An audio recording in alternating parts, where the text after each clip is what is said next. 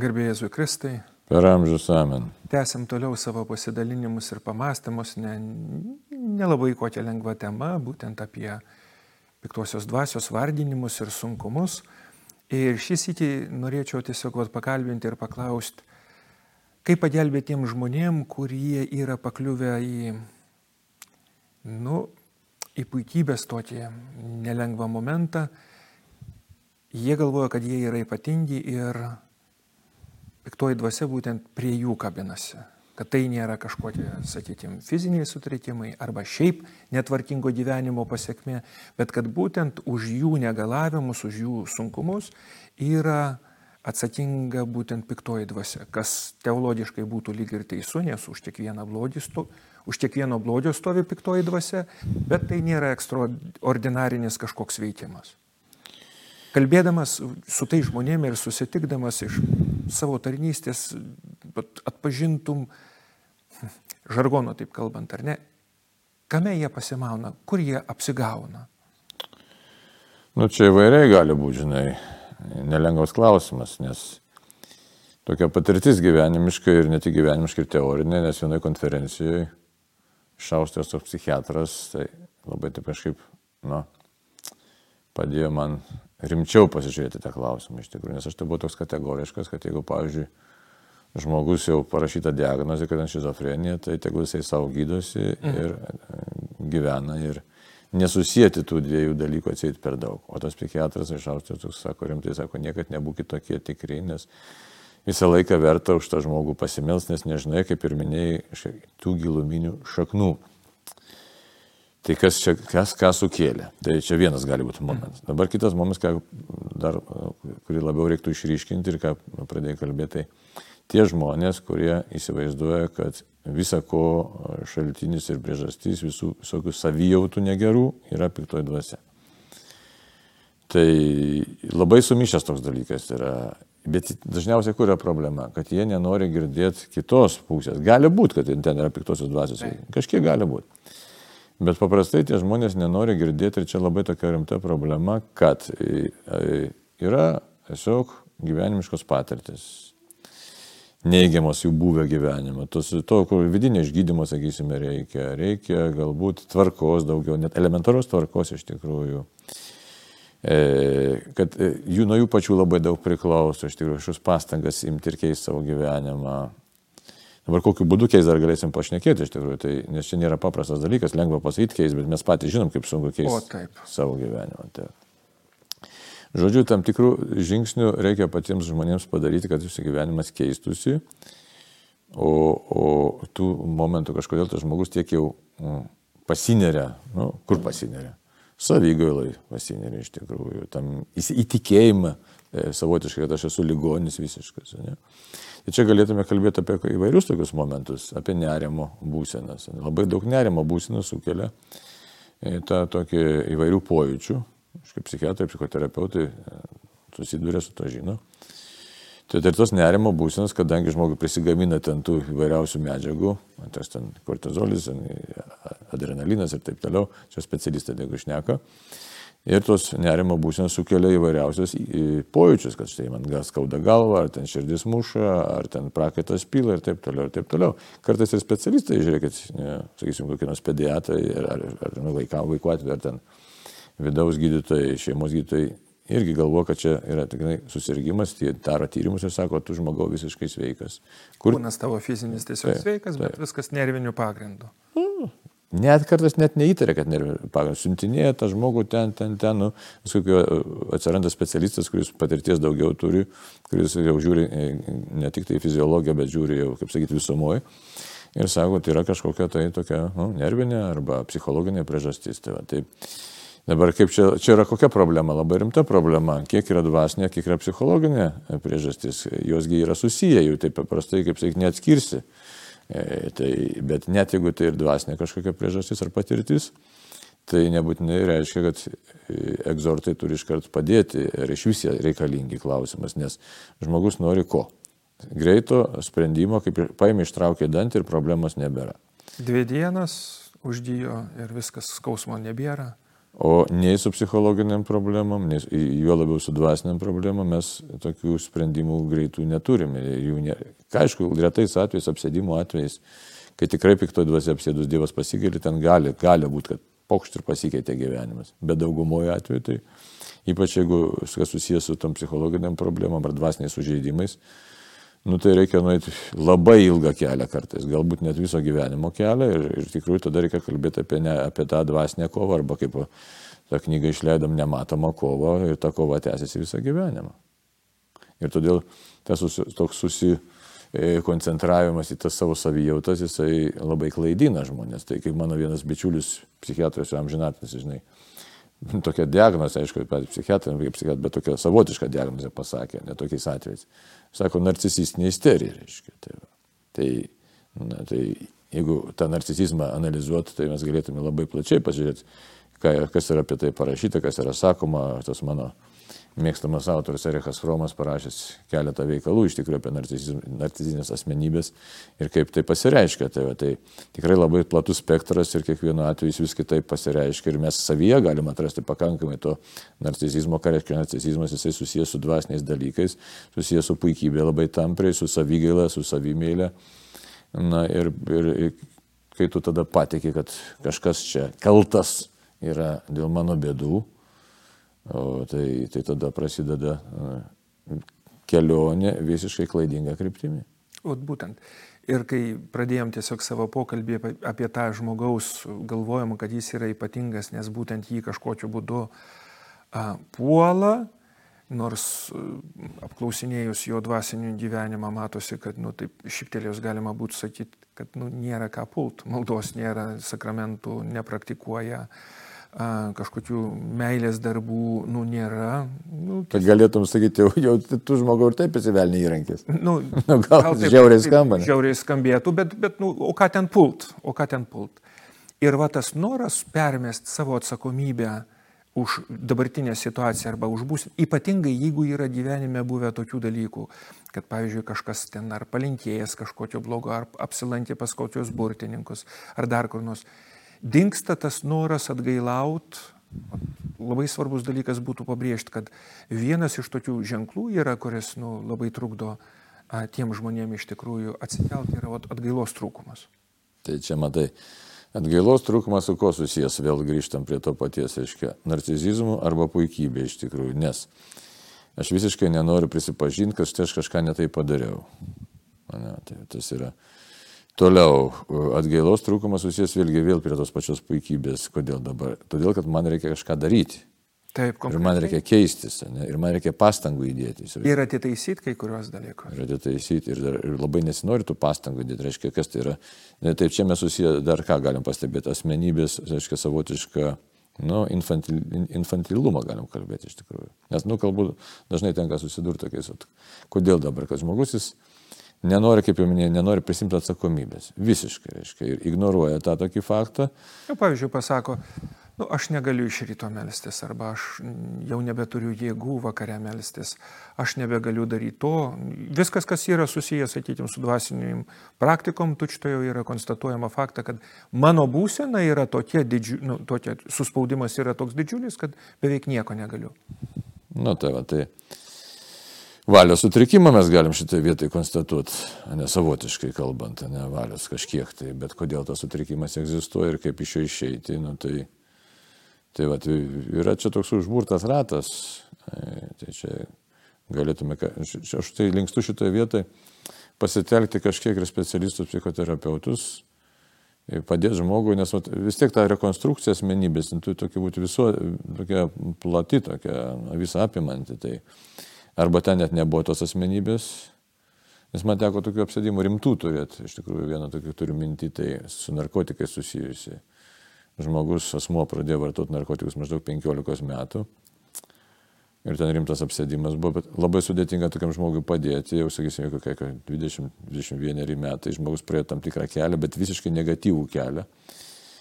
Ir nėra jokios teigiamas patirties gyvenime nėra savo saviraiškos, nėra kažką atsiremti ir, kaip minėjau, žmog, sakai, žmogui melstis, jisai, nu, jam kažkas darosi, kai melžiasi, arba nesidaro, arba šiaip tingisi. kad malda yra kova, o žmogus nepripratęs kovoti su, su, su savimi, to nenori pripažinti. Ir tada tokį savotišką, nu kaip sakyti, atsiduri savotiškai tokia aklavėtė, nes žmogus pats savo padėti nenori, padėti neįpratęs, pastangų dėti neįpratęs. Na, o žinom, kad pergalė yra vis tiek yra laisvos valios pergalė, ne iš kažkokios pašalies ateinanti pergalė. Na, ir, ir, ir atsiduri tokiai savotiškai situacijai, kad nu, kaž, kažkiek rankos surištos yra. Tai.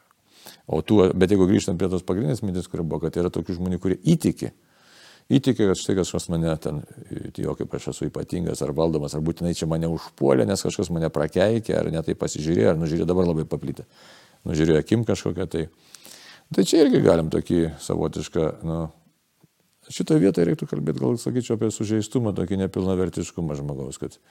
Ir dar kalbėčiau apie tikėjimo turinio nesupratimą. Čia, jeigu iš mūsų, iš bažnyčios pozicijos, tai šitoje vietoje apie tikėjimo turinio nesupratimą reiktų kalbėti. Nes žmogui yra duota labai daug ir mes nesuprantam, ką reiškia būti tikinčiu. Nes šventas raštas ką sako, ne. Šitonas, nu, aišku, matomus bijo ir dreba iš tikrųjų. Jis prieš Kristų bijo dreba. Prieš kiekvieną krikščionį bijo ir dreba iš tikrųjų. Nes jeigu mes gyvename teisingą gyvenimą, šventosios dvasios šventovė esame, tai čia gal čia būtų uždavinys. Ar aš noriu būti šventosios dvasios šventovė? Nes Paušlo Paulius, ne keliose vietose yra pasakyta, ar jūs, jūs nežinote, kad jūs esate šventosios dvasios šventovė, kad jumise gyvena šventoji dvasia. Neškai.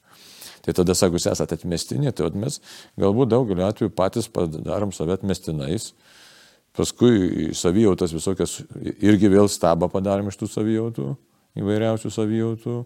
Nu, tai čia žiūrėk toks daugelįpis dalykas.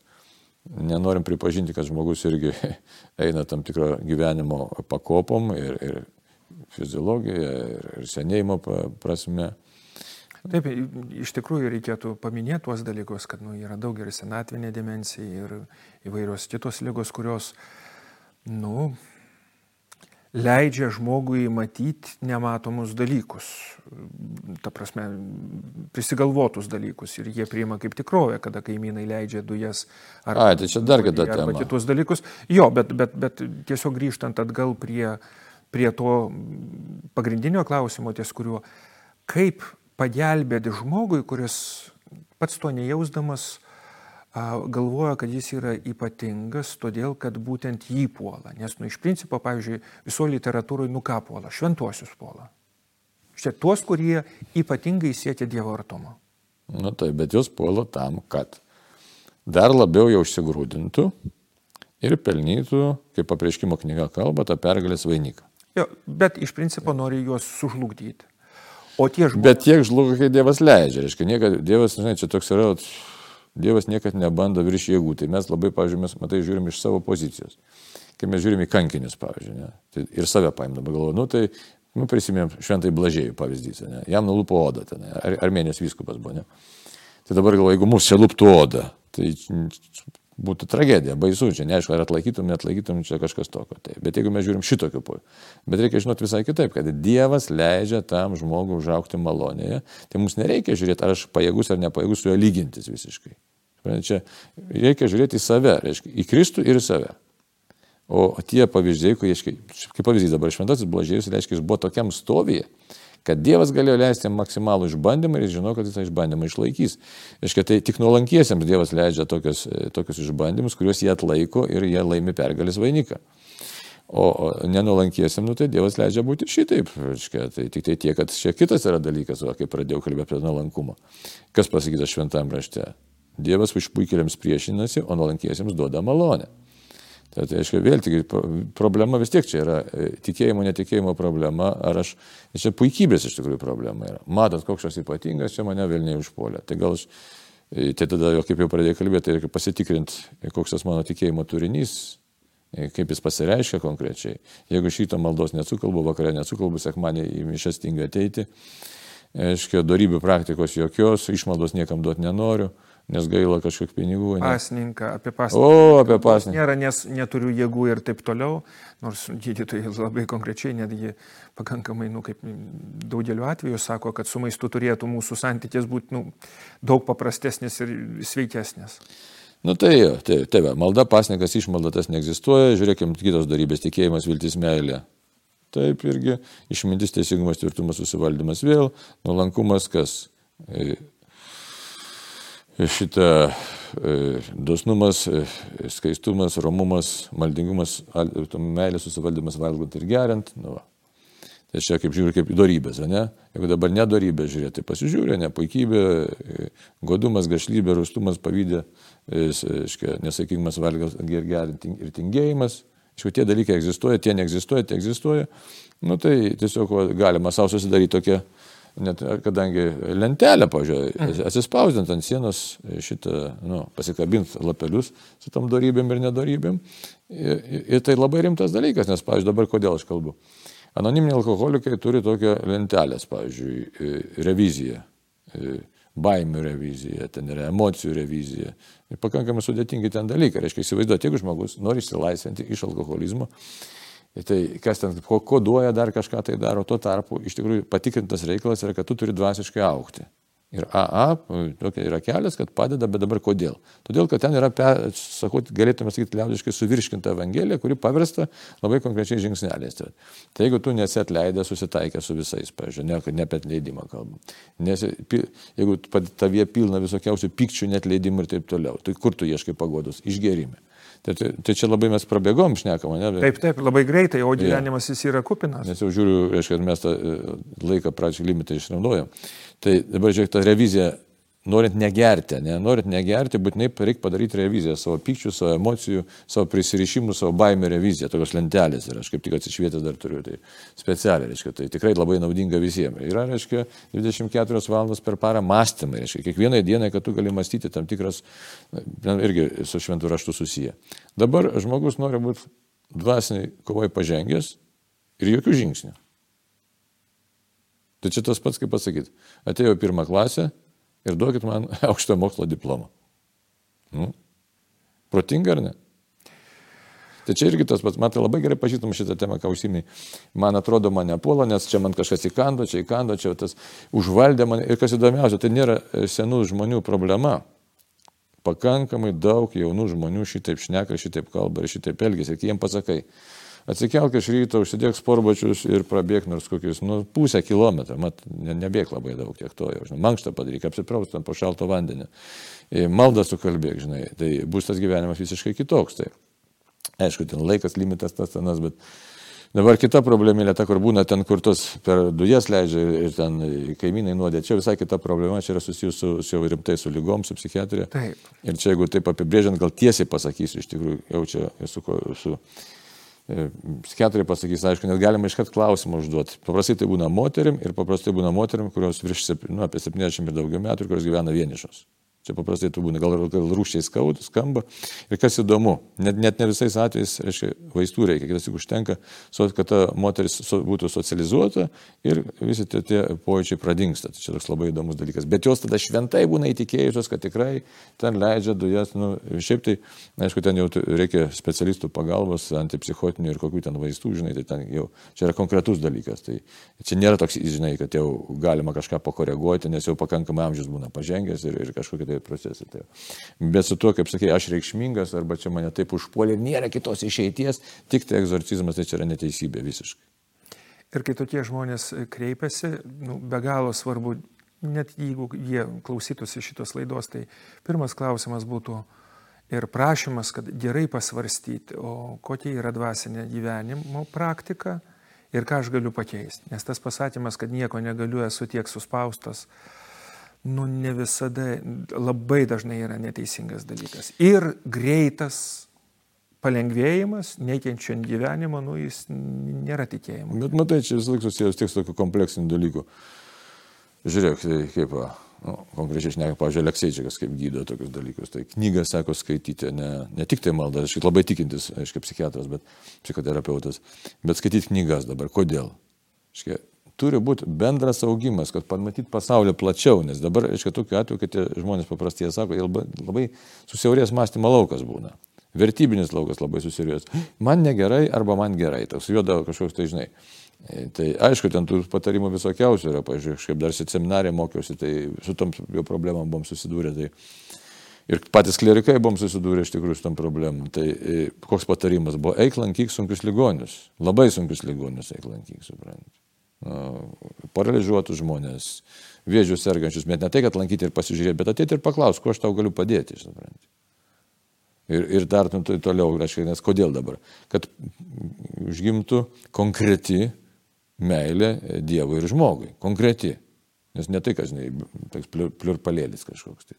Jo, ir kad susidūrimas su tikrovė šiek tiek prablaivintų ir parodytų, kad vidinės būsinos jos yra tik tai nu, labai nedidelis dalykas tikrovė. Bet čia labai sunkus dalykas. Vidinės būsinos, žinai, mes žinai, savo kailio turbūt visi žmonės patiria, kad į, ypač kai tave kažkas negatyviai paliečia, tai labai stipriai jomis patikė. Taip labai stipriai patikė, nes savęs labai gaila. Nu, čia giliau susiję. Mirties baimė, lygos baimė, čia aišku, tai žinai, kiek tas žmogus, koks tas charakteris to žmogaus, kiek jis kovingas, nekovingas, tai toliau.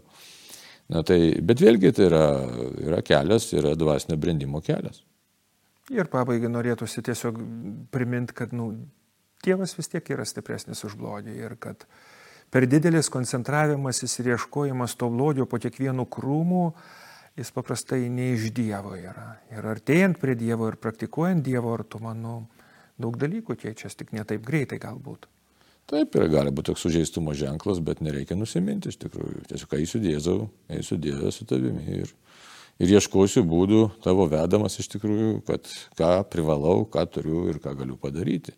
Čia kaip ir to, žinai, anoniminė alkoholiko, tai maldai, galiu ką E, ką galiu pakeisti, kad pakeisiu, ką negaliu, reiškia, kad daug dievė man išminties, susitaikyti su tuo ir daug išminties tą skirtumą suprasti. Amen. Amen.